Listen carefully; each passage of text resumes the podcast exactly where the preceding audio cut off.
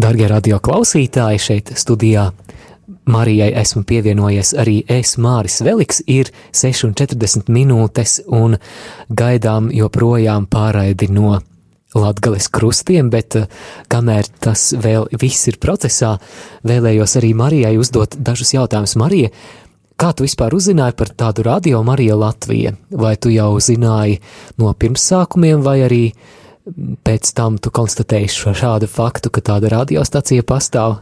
Jā. Uh, teiksim tā, mani iepazīstināja ar Radio Mariju tajā brīdī, kad uh, viņam jau laikam bija vairāk kā seši mēneši, tā varētu rēķināt, jo tas bija aptuveni pirms uh, vairāk kā gada.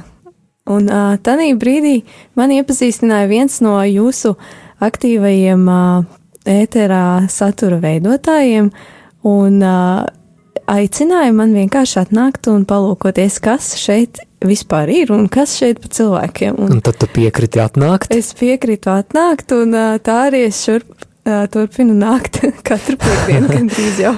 es atceros to dienu, kad tu atnāci. Uh, atceros, Aigars Brīsmanis bija raidījuma mīlieti, cits citu vadītājs, un, un tad, tad tu kopā ar viņu atnāci, un jau pirmajā dienā, ja es nemaldos, tu iekļuvi ēterā.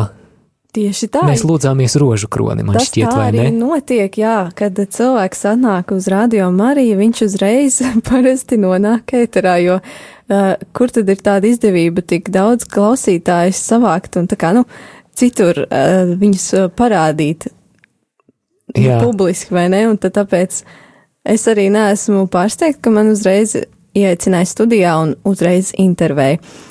Es arī pēc tam uz, nu, kļuvu par brīvprātīgo šeit, radio.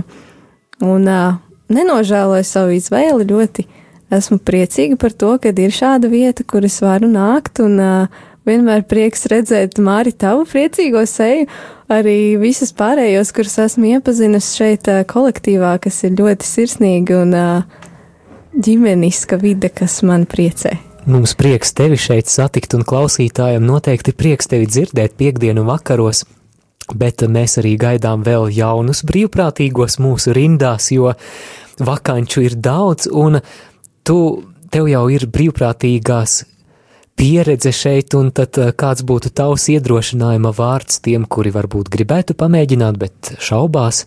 Es domāju, tagad šajā brīdī, kad ir tieši vasaras, vasaras pirmsākumi ir manāmi jau, un daudzi varbūt paliek Rīgā, tad es domāju, ka kristīgiem jauniešiem šī ir lieliska iespēja šeit atnākt un iesaistīties, un baidīties noteikti nav no kā pilnīgi, jo visi šeit ir ļoti atvērti un, un, un, un vienmēr gatavi palīdzēt un pamācīt un pateikt, kas jādara, kas vajadzīgs. Un, ja tu īpaši esi tāds izpalīdzīgs cilvēks, tad šī tev varētu būt īstā vieta. Tā es domāju.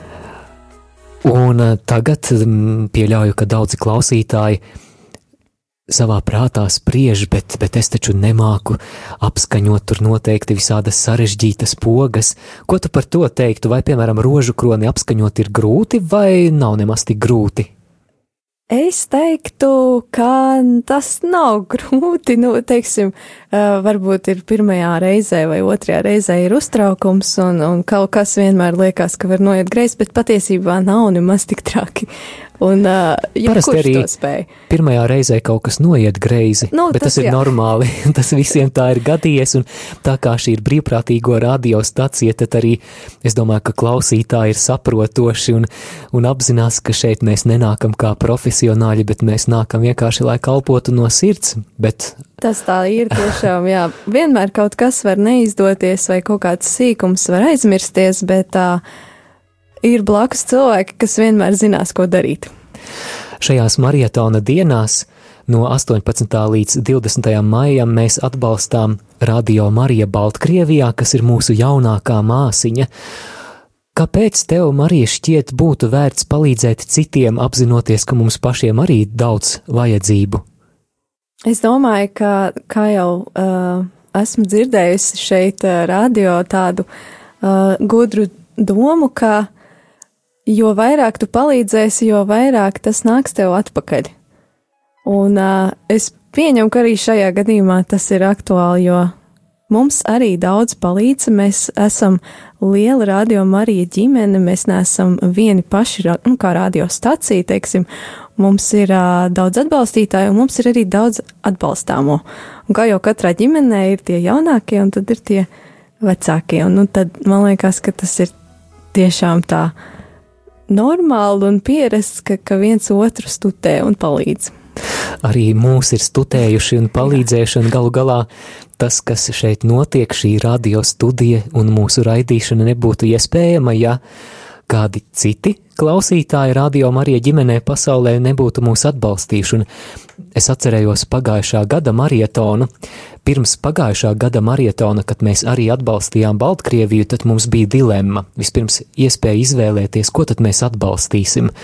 Viena no šīm iespējām bija atbalstīt savu radiostaciju, un mums patiešām bija viena būtiska vajadzība. Mums nebija radio automašīnas, bet tā kā mums ir nemitīgi translācijas no dažādām baznīcām, arī no šiem krucifiksiem latgalē, tad šī mašīnas lieta bija ļoti aktuāla un ļoti vilinoša iespēja likās, nu, šajā marietonā mēs varētu sevi atbalstīt. Bet tomēr mēs tā izvēlējāmies domāt plašāk, skatīties plašāk un uh, Jā, piekritām un, atbalstīt Baltkrieviju. Un tad, tā, un tad kas notika? un tad notika mm, tāda lieta, mēs uzzinājām, ka Šveices radio Marija klausītāji un Austrijas radio Marija klausītāji saziedoja ziedojumus tieši mašīnas Mašinē. iegādēji mūsu Latvijā, un viņi saziedoja krietni vairāk nekā mēs būtu spējuši šeit Latvijā. Tā, ka, tā. Marietons. Marietona brīnišķīgā tāda tā kā parādība, kad tu it kā gribi vienu izdarīt, la, vienam kādam labu izdarīt un beigās arī pats saņem divu tik atpakaļ. Jā. Gandrīz vai. Un eh, liela pateicība visiem, kuri jau ir noziedojuši šajās dienās, un lai Dievs jūs, jums aizmaksā, un lai Dievs jūs svētī, mēs šajās dienās lūdzamies par jums, un noteikti arī saņemsiet atpakaļ. Kādā veidā tas ir Dievam zināms, bet paldies par jūsu atvērtajām sirdīm.